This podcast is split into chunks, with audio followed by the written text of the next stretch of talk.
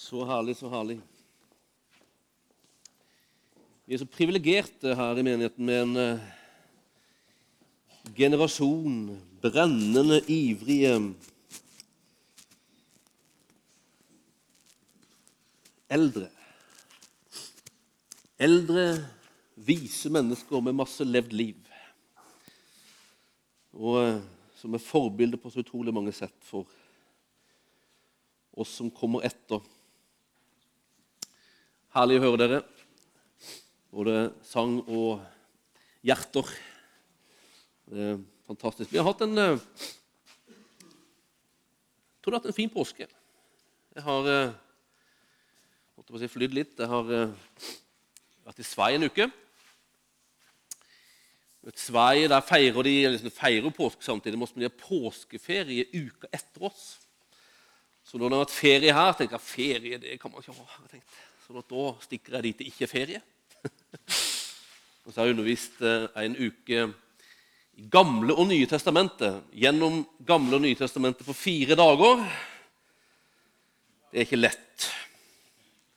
Det er ikke lett, Og enda vanskeligere for studentene, som skal ha en prøve i alle årstall og konger og profeter og det ene og det andre. Men det var veldig fint. Det, jeg tror det var fint for både lærere og elever. faktisk. Jeg har inntrykk av det. Så det var herlig. Jeg kom hjem på lørdag og fikk være med på litt av det opplegget vi har hatt her. Det å, det å gå inn i påskas liksom, ulike stadier, det å lese tekstene, det å følge på en måte denne, denne vandringen gjennom døden og til livet. Det er fantastisk givende. Det er litt komplisert for de små. Jeg prata med Theodor om det her. Hva skjedde i dag, sa han. På fredag vel det. I dag døde Jesus. Å, nå døde Jesus. Nå kan jo ikke han bo i hjertet mitt når han er død. Ja, men han står jo opp igjen òg. Så prøvde å forklare det her at han har stått opp igjen. Selv om ikke vi feirer det i dag, så har han stått opp igjen allerede. Det var litt vanskelig å forstå. Så deilig på søndag å kunne si at i dag sto Jesus opp igjen. så, så da var han med. Så var han tilbake i hjertet. Det er herlig. Det er herlig. Du vet, Han døde jo én gang for alle, sier, står det i hebreerbrevet. Et evig offer. Han behøver ikke å dø hvert år. Men det er utrolig bra å minnes det og feire det og, og gå inn i liksom, tekstene. Det, det gjør noe med oss når vi forstår på en måte og minner hverandre på hvilket dyp det ligger i det her som skjer i påska. Hvilket alvor som ligger i synden, og uh, hvilken seier og triumf det innebærer det at han sto opp igjen fra de døde. Så det er herlig. Påska handler om det vi kaller for korsgjerningen. og det er Korsgjerningen det er både død og oppstandelse. Og Jeg tenkte vi skulle lese uh, fra Lukas kapittel 23 lese noen få vers der om, eh, om eh, Jesu død, og så lese noen vers om hans oppstandelse. Og så utgå fra det i dag. Lukas 23, vers 44-46. Det var allerede omkring den sjette time. Da falt et mørke over hele landet helt til den niende time, for solen ble formørket. Forhenget i tempelet revna etter midten, og Jesus ropte med høy røst, Far, i dine hender overgir jeg min ånd. Da han hadde sagt det, utåndet han. Og Så hopper vi til begynnelsen av kapittel 24. Ved daggry den første dagen i uken kom kvinnene til graven og hadde med seg de velluktende oljene som de hadde laget i stand. Da så de at steinen var rullet fra graven, og de gikk inn, men fant ikke Herren Jesu kropp. De visste ikke hva de skulle tro, men med ett sto det to menn hos dem i skinnende klær. Kvinnene ble forferdet og bøyde seg med ansiktet mot jorden. Men de to sa til dem, 'Hvorfor leter dere etter den levende blant de døde?' 'Han er ikke her, han er stått opp.' 'Husk hva han sa til dere mens han ennå var i Galilea.' 'Menneskesønnen skal overgis i syndige menneskers hender og korsfestes.' 'Og den tredje dagen skal han stå opp.' Da huska de hans ord og de vendte tilbake fra graven og fortalte alt dette til de elleve og til alle de andre. Så Påskehistorien er en vandring ned i det ytterste dyp. Det er peker på syndens alvor og konsekvens. Den blir synlig her som ingen annet sted. Han som tar den, han som smaker den og betaler for den, på ham så blir konsekvensen av synden så synlig. Han lider, han blør, han plages i en grufull død. Men se, påske er jo en triumferd i det han som tar synden, som smaker den og betaler dens konsekvens, står opp igjen. At gjennom å gå gjennom mørket av lidelse og død, så overvinner han sjøle synden og døden, og så triumferer han og står opp på påskemorgen. Påskebudskapet på mange måter er en slags kontrastfull sak. Det, påska er fullt av ting som, som, egentlig ikke er det som det ser ut til å være. Du vet, Det ser ut som et nederlag, men i virkeligheten så er det en triumf. Det som ser ut som slutten, er i virkeligheten begynnelsen på noe helt nytt. Det som ser ut som en forræders død for sin egen overtredelse, er i virkeligheten en frelsers død for hele verdens synd. Og det som ser ut som død, er i virkeligheten en forløsning av selve livet. Det er påska. I Johannes 12, 24 så sier Jesus noe her når han er på veien opp til Jerusalem for å gi sitt liv. Så, så sier han til disiplene sier, sier han, Sannelig, sannelig, jeg sier dere Hvis ikke hvetekornet faller i jorda og dør, blir det bare det ene kornet. Men hvis det dør, bærer det rik frukt. Jesus bruker et sånt bilde fra, fra jordbruket fra det som skjer når et enkelt korn som sås i jorda, blir til en stor høst som er liksom mangedobbelt så stor som det som ble sådd. Hva er det som er nøkkelen til at et korn kan bli så mye?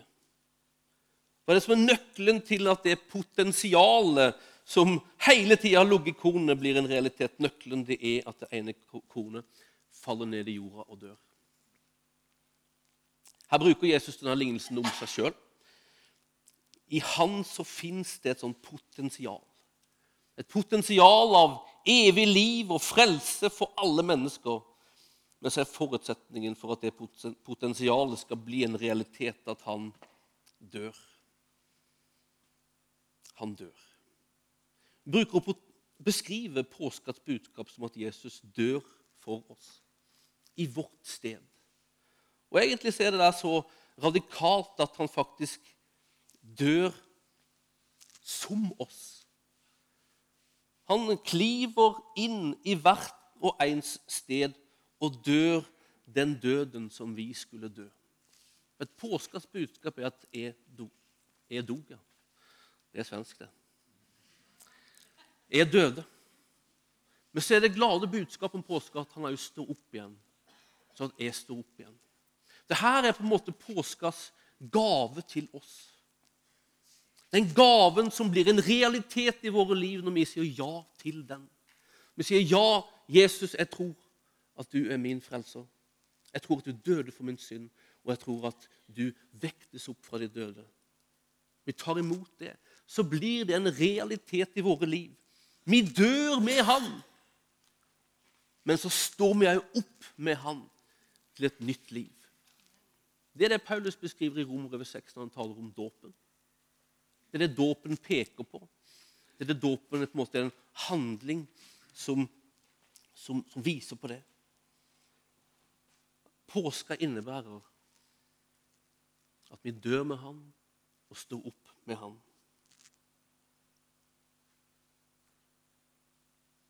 Som gjør at synden og døden ikke lenger er det som lever og har makt i våre liv, men Gud er nå den som har makten over oss og er virksom med sin kraft i oss.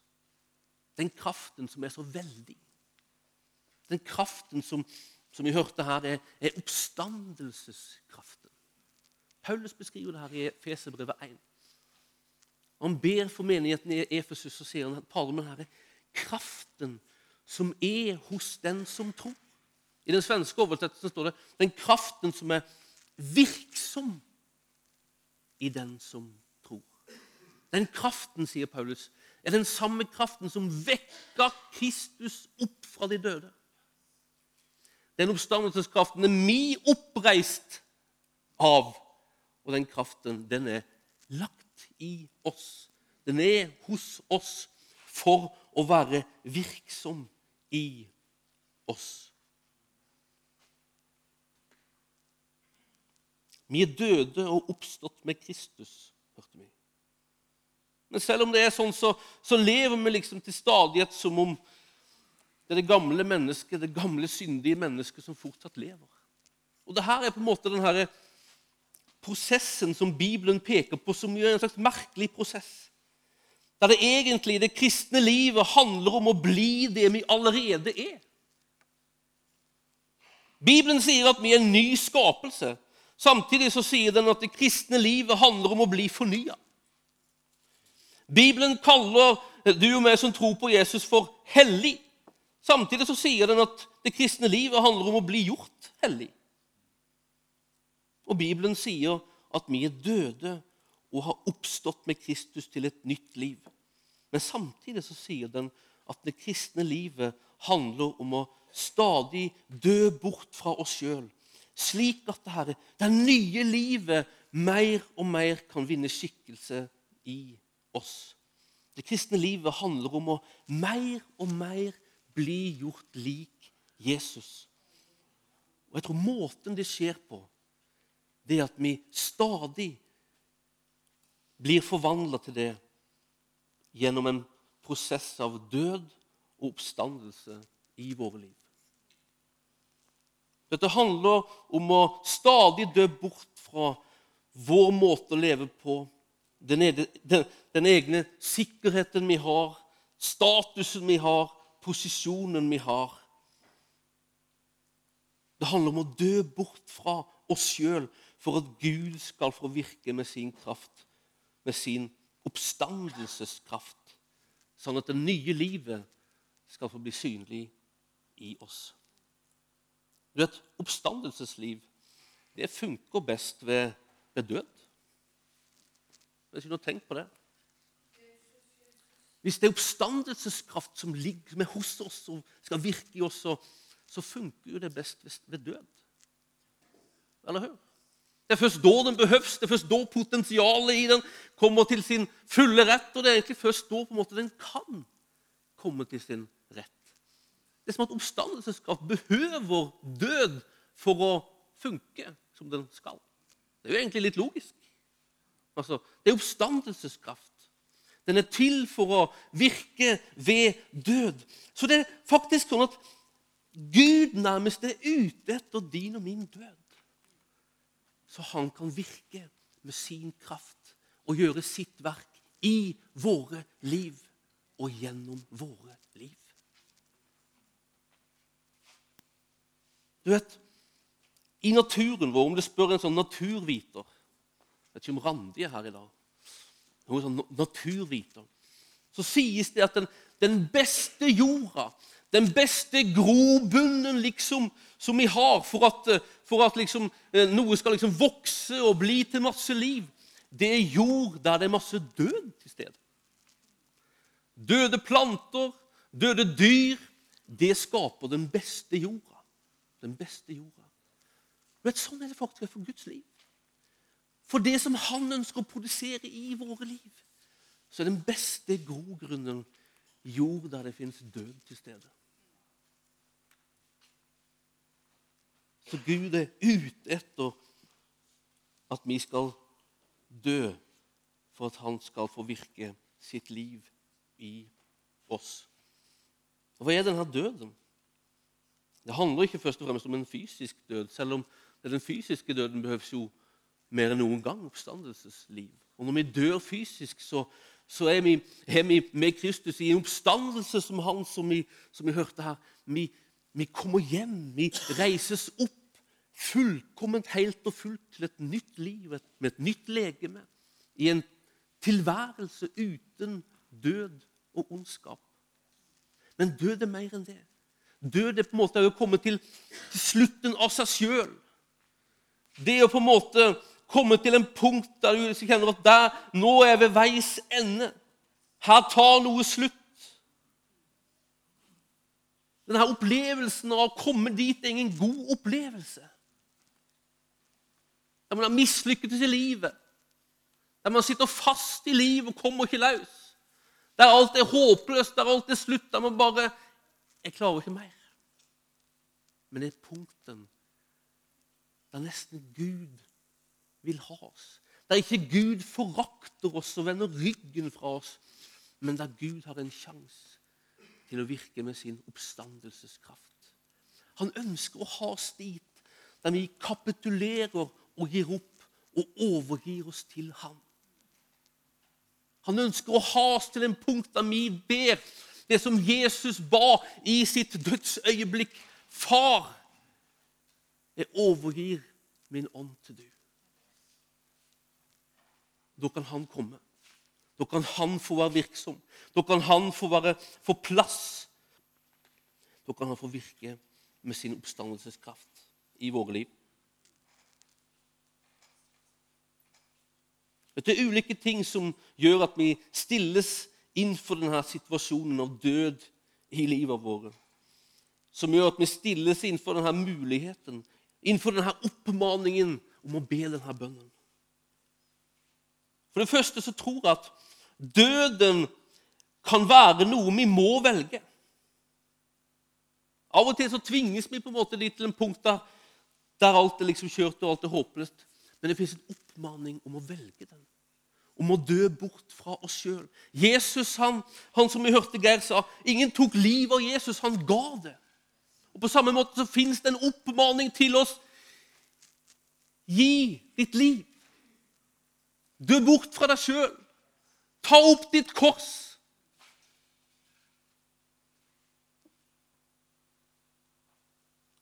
Vi oppmanes, tror jeg, av Gud av å dø bort fra oss sjøl. Av og til mer tydelig enn andre, av og til i visse situasjoner mer tydelig enn andre. Men egentlig så er det en sånn daglig greie. Det er en sånn daglig greie. Det er det her vi kaller omvendelse.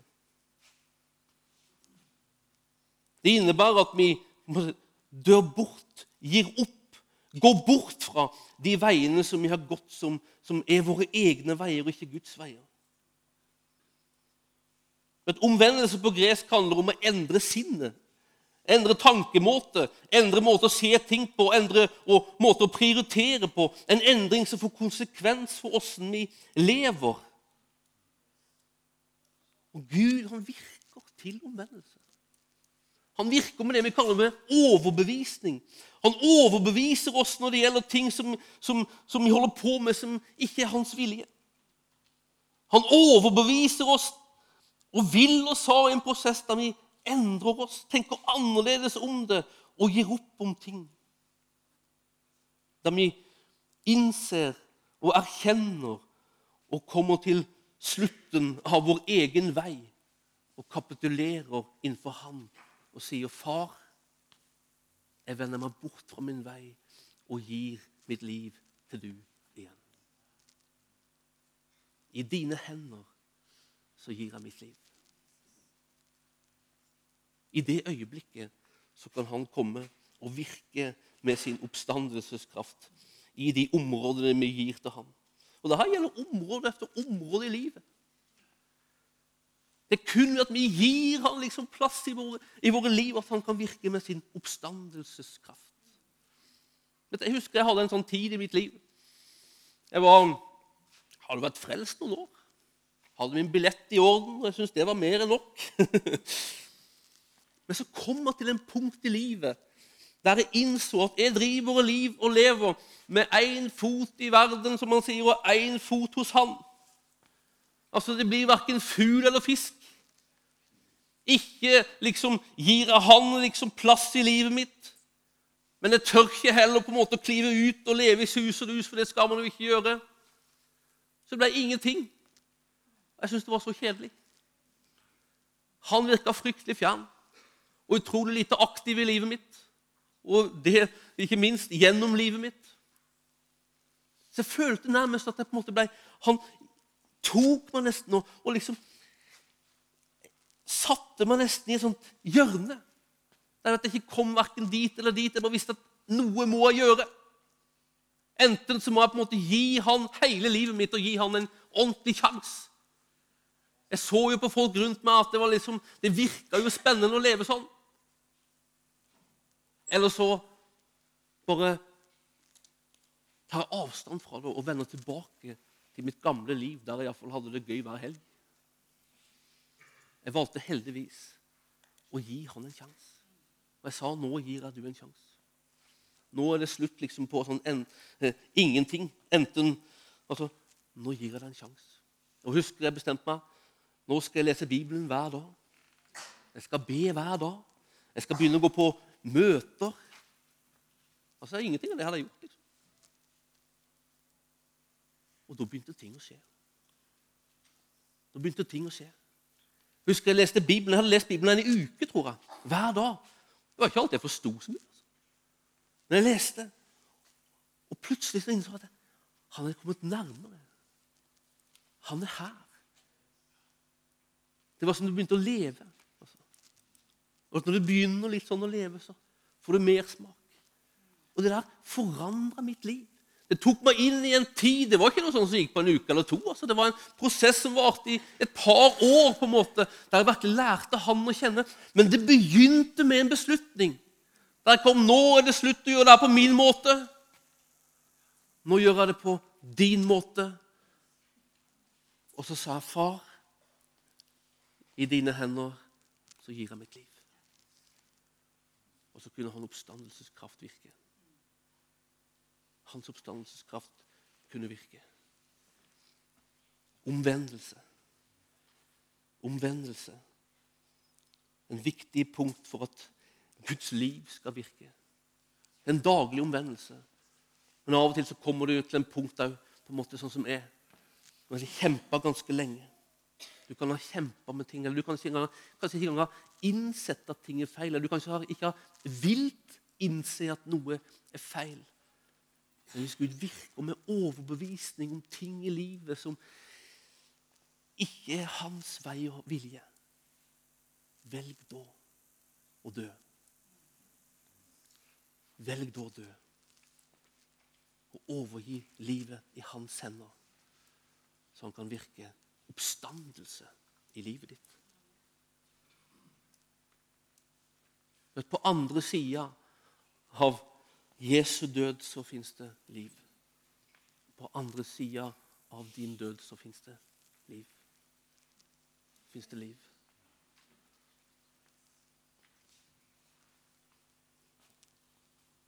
Noen kanskje hører det her og tenker at jeg har prøvd det her. Jeg har jeg har lenge vært overbevist om at det er ting i livet mitt som er mine lengsler, ønsker og begjær, men som ikke er Guds. Jeg har kjempa for å endre meg, jeg har omvendt meg igjen og igjen, men jeg er helt enkelt ikke i stand til å slutte med ting, endre ting og dø bort fra ting. Sånn kan det være. Vet du hva? Da er mitt punkt nummer to at det fins en, en død og dø fra ditt egne strev. Du vet, I situasjoner av der vi kjemper og bekjenner og jobber og strever, så fødes det en skam ofte i livet vårt. Vi bare inn, ikke bare innser at vi på en måte mislykkes, men etter hvert der vi blir mislykka. Vi er mislykka. Guds tanke er ikke at du skal spenne muskler. Det å dø er jo ikke å spenne muskler. Det å dø, det er å kapitulere og gi opp. Og det fins òg på en måte, for vi, vi, tenker av og til Min frihet er at jeg skal liksom innta den. Og det er rett for så vidt. Men du skal innta den med Han, og ikke bare med Han, du skal innta den i Han ikke uavhengig av han. Og det er så lett at vår bekjennelse og vår kamp blir vår og ikke hans. Så blir det fryktelig slitsomt, og så blir det fryktelig kraftløst. Det fins en død at dø fra eget strev. Der du kommer til Han i ditt strev, der du tar med deg hele din, din mislykkahet, hele din avhengighet. Vet, han klarer det. Han tåler det. Han vil ha det. Når vi kommer til ham og sier 'Jeg klarer ikke mer, jeg orker ikke mer', jeg kapitulerer. Far, i dine hender så gir jeg mitt liv. Ta hele. Da kan han virke. Da kan han virke med oppstandelseskraft. Med oppstandelseskraft. Jeg elsker å fortelle om eh, Andy Glower. Han har, noen av dere kanskje har hørt hans historie. Veien ut av avhengighet. Der han lenge hadde kjempa og bekjent og jobba akkurat som han lærer seg og skal gjøre. Men han aldri lyktes. Han kunne holde ut og være fri. liksom, Nå er jeg fri. Så han klarte liksom et par uker å være fri. Men så falt han igjen. Og så kom han til en punkt der han bare kapitulerte, og livet begynte å rakne. Så kapitulerte han en dag. Så jeg klarer ikke mer. Så blei hans bønn ut fra på en måte et, et møte han hadde med, med, Gud som far, og så ble hans bønn far. Bare kom og elsk meg. Og Han fortalte meg, han, han bar egentlig stort sett den bønnen i 18 måneder. Og Ut fra den bønnen så gikk han gjennom en prosess der han på en måte fikk det, jobbe med sitt liv. Han fikk tilgi, og han fikk omvende seg fra ting. Men gjennom den prosessen på 18 måneder med en bønn Far, kom og elsk meg. Og han fikk oppleve at Gud fylte han med kjærlighet, så slapp hans avhengighet bare taket. Og han sa så jeg merka plutselig en dag så var hele liksom makten i det som hadde holdt han fangen, bare sluppet. Det var borte. Fordi Gud hadde kommet og virka sitt liv. Fylt han med sin kjærlighet.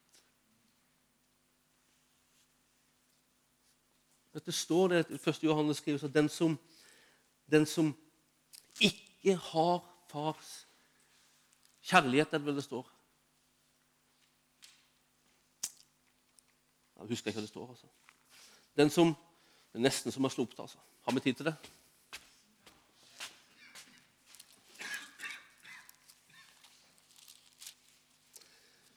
Første Johannes brev.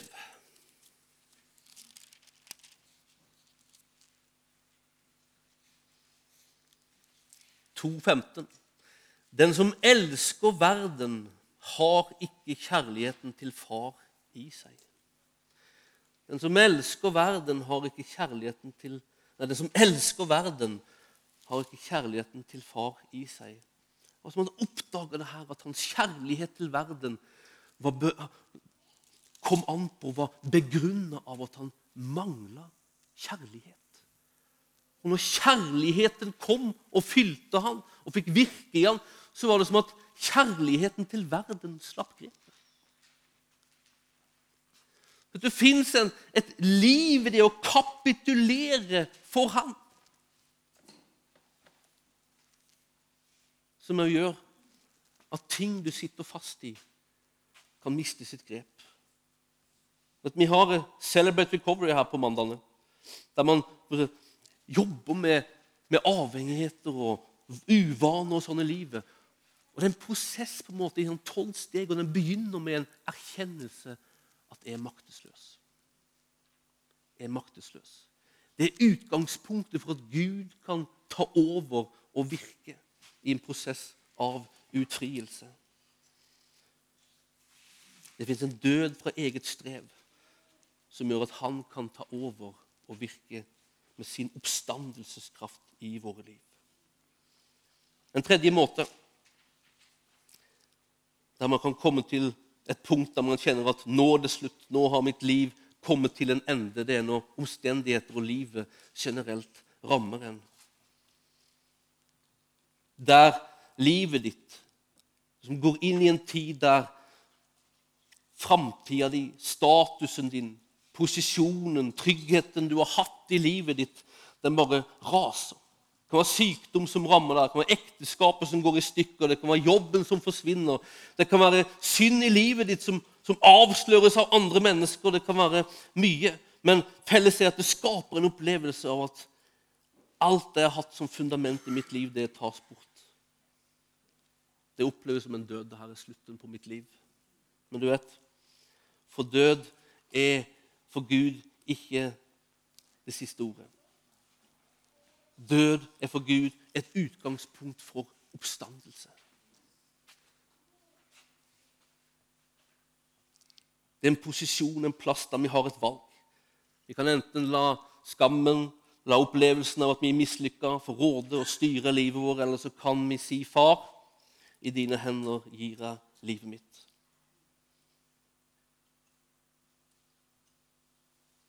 Det er på mange måter små marginaler mellom Judas og Peters mislykkenhet i påskeevangeliet. Den ene forrådte Jesus, den andre fornekta han. Men framtida til de her to personene ble seende vesentlig ulik ut. Judas gikk bort, han hengte seg. Mens Peter han ble oppreist til muligens den mest framtredende personer i den første tidlige kirka. Og forskjellen Judas han lot skammen råde. Hans opplevelse av mislykkenhet gjorde at han valgte å gå bort fra Gud. Til den grad at han valgte en død i uavhengighet av han. Uavhengighet av han som faktisk kunne gitt han en ny sjanse. Peter gikk også bort. Men i møte med Jesus så møtte han en kjærlighet som gjorde at han kunne tro på en tilgivelse, på en ny sjanse og på et nytt liv. I møte med Jesus på en strand ved Genesaret, sjøen, så erkjenner han sitt mislykken. Og Samtidig så gjør han det i håpet om å en spirende tro på en framtid.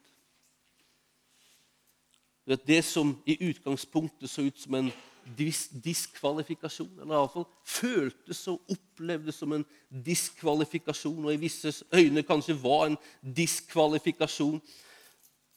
Så i virkeligheten så var kanskje det en kvalifikasjon for Peter. At han skulle kunne gjøre det han skulle gjøre for Gud. At han skulle kunne bære det han skulle bære for ham. Vet, I denne prosessen av død så forsvinner alle egne ambisjoner. Alle forestillinger om å være større enn andre, som jo de var veldig preget av, hans disipler. Og bort forsvinner tilliten til seg sjøl, sin egen styrke, som jo hadde fått Peter til å love at han skulle følge Jesus i døden. Og tilbake så var det bare en bønn. I dine hender så gir jeg mitt liv kapitulasjon. En død fra det egne som gjør at oppstandelsesliv kan virke. Vi har en venn i Sverige som vi traff nå i påska. Fortalte om og Vi visste jo at hun hadde hatt en ganske tøff tid. Fortalte om en tid der hun for noen år siden gikk gjennom en sånn prosess av død. Der hun hadde vært i et, en menighetssammenheng der hun hadde på en måte sett hele framtida si. Der hun hadde satsa inn alt, der hun hadde alle relasjonene sine, hun hadde familierelasjonene der. På ulike, av ulike grunner, ulike menneskers valg og beslutninger og handlinger, så, så kommer det til en punkt der det blir umulig å være der. og Går ut. Eller før hun går ut, så går hun inn i en sånn prosess der alt føles som at nå er det slutt med alt. Her er alt jeg har satsa på, her er alt jeg har gitt mitt liv for. Her er det borte. Her er relasjoner borte. Her er til og med familierelasjoner liksom på spill. Hun kommer til en punkt, og I den perioden der så, så får hun ei venninne et bilde, malt bilde med et bibelord der det står fra Jesaja 43.: Se, jeg gjør noe nytt. Vi så den, den hang på veggen hos fortsatt. denne prosessen av død. Som hun egentlig ikke ellers ville, ville velge, men som på en måte livet skapte for henne. Ble ikke slutten, det ble utgangspunktet for noe nytt. Og når jeg prater med henne nå, så har hun sagt sånn jeg ser sånn i ettertid, så, så har på en måte det her virka til noe godt. Det har virka til noe til og med enda bedre. Der menighetslivet er bedre enn det var. Der jeg er på en plass i livet der, der gavene mine og den jeg blir en, er blitt en velsignelse i enda større grad enn det det var. Der relasjonene mine har fått nye, sterke relasjoner. Og der familierelasjonene som faktisk var liksom på spill, er bedre enn noen gang før. For de grunner på noe annet. sa På noe bedre og på noe mye mer solid. Guds kraft og oppstandelsesliv hadde fått virke. For hun kom til en punkt der hun helt enkelt kunne valgt å gi opp allting. Eller hun kunne valgt denne bønnen. Far, i dine hender legger jeg mitt liv. Hun valgte den bønnen. Hun valgte å stole på ham. Hun fikk et ord hun kunne holde tak i.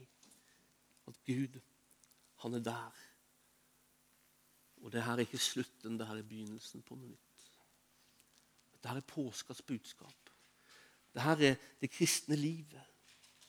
For Gud er ikke død slutten, men det er utgangspunktet for noe nytt. Hvordan kan vi ha denne tilliten til at Gud vil virke på denne måten? Hva er det som gjør at vi blir villige til å gi opp våre egne veier? Hva er det som gjør at vi, at vi kapitulerer hos Han i stedet for borte fra Han når vi mislykkes? Hva er det som gjør at vi, når livets omstendigheter kommer mot oss, velger Han istedenfor bitterhet, skam og det å vende oss bort fra Han? Hva er det som gjør det? Jeg tror En nøkkel er å se og tro at han er for deg og ikke imot deg. At han er med deg og ikke har gått bort fra deg, selv i dine verste stunder. Du vet, Påska og korset det er stedet der Gud forsoner verden med seg sjøl, sier Paulus i 2. Korinterbrev. Men det er òg stedet der han viser og beviser sin kjærlighet. Paulus skriver om det i Romerbrevet 5. Johannes skriver om det i 1. Johannes brev. At Guds kjærlighet blir åpenbart og synliggjort på korset. Det er der, i påskas hendelser, så ser vi Guds hjerte for oss. Så ser vi hans respons på vår svakhet og vår synd. Der klarere enn noe annet sted så kan vi få syn på det som gjør oss villige og setter oss i stand til å gi våre liv til ham. Til å oppgi vårt eget og gi det til ham. Det at vi innser at vi elsker ham, det driver oss til omvendelse. Og det at vi innser at vi elsker ham, det vekker håp og tro på at ting ikke er kjørt selv om det ser sånn ut selv om det ser sånn ut i og rundt våre liv. Et påskatts budskap er at du og vi er elska av Gud. Det er elska av Gud. Og det her er avgjørende for at denne døden blir noe vi klarer. Det går inn i denne døden, sånn at han kan få virke oppstandelsesliv i oss. Misty Edwards synger en sang. Og lovsangsleder i IHOP og Hun synger en sang der hun på en måte fører oss inn i en slags prosess, en samtale mellom hun og Gud. I begynnelsen av sangen så stiller hun det her spørsmålet hvordan ser kjærlighet ut. Hun sier jo til Gud du ber om min oppmerksomhet. Du ber om min kjærlighet. Ja, du ber om min hengivenhet, og du ber om min overgivelse. Men åssen ser kjærlighet ut? Svar meg på det det er bønnen hennes. Og så skriver hun her i sangen at hun, at hun sitter og funderer på det her. Og så med ett så beskriver hun at hun får se ham. Som et syn så får hun se ham. Hengende på korset, beskriver hun. med armene utstrekt, med øynene retta mot henne. Hun ser på han, og han ser på henne. Hans øyne er så vakre, beskriver hun.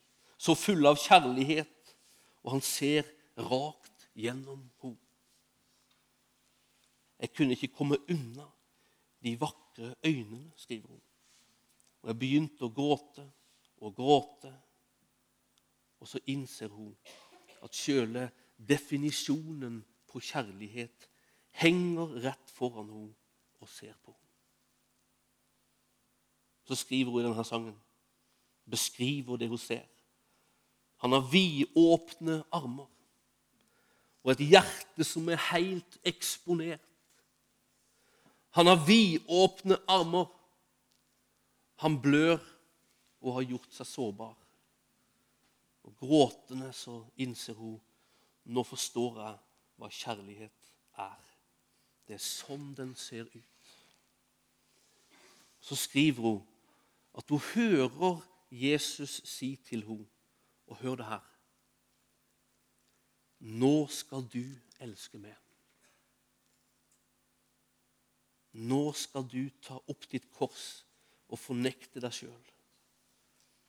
Og gjennom å lære deg å dø skal du virkelig komme til liv. For å elske Han så må vi innse at Han har elsket oss. Når vi går inn i påskas budskap og er der, så forstår vi syndens alvor. Vi forstår vår hjelpeløse situasjon uten Han. Og vi forstår at veien til frelse og redning går gjennom Han. Vi ser triumfen. Men så ser vi og forstår i påskas budskap mer enn noe annet sted at han elsker oss. Og når vi ser at han elsker oss, blir trygge på at han elsker oss, får tro på at han elsker oss, så kan vi mer og mer gi våre liv til han mer og mer velge å gi våre liv til Han, og mer og mer tro at vi kan gi våre liv til Han midt blant våre feilsteg og mislykkenhet. Hvis ikke hvetekornet faller i jorden og dør, så blir det bare det ene kornet. Men hvis det dør, så bærer det rik frukt. Her er nøkkelen til å følge ham. Her er nøkkelen til å få leve det livet han har tenkt til å bli den velsignelsen du er skapt for å være. Nøkkelen, det er å dø. Overgi deg til Han, så at Han får virke i oss med sin oppstandelseskraft. Virke fram det Han vil. Det som er hensikten med ditt og mitt liv, det er å være lik Han i denne verden. Amen.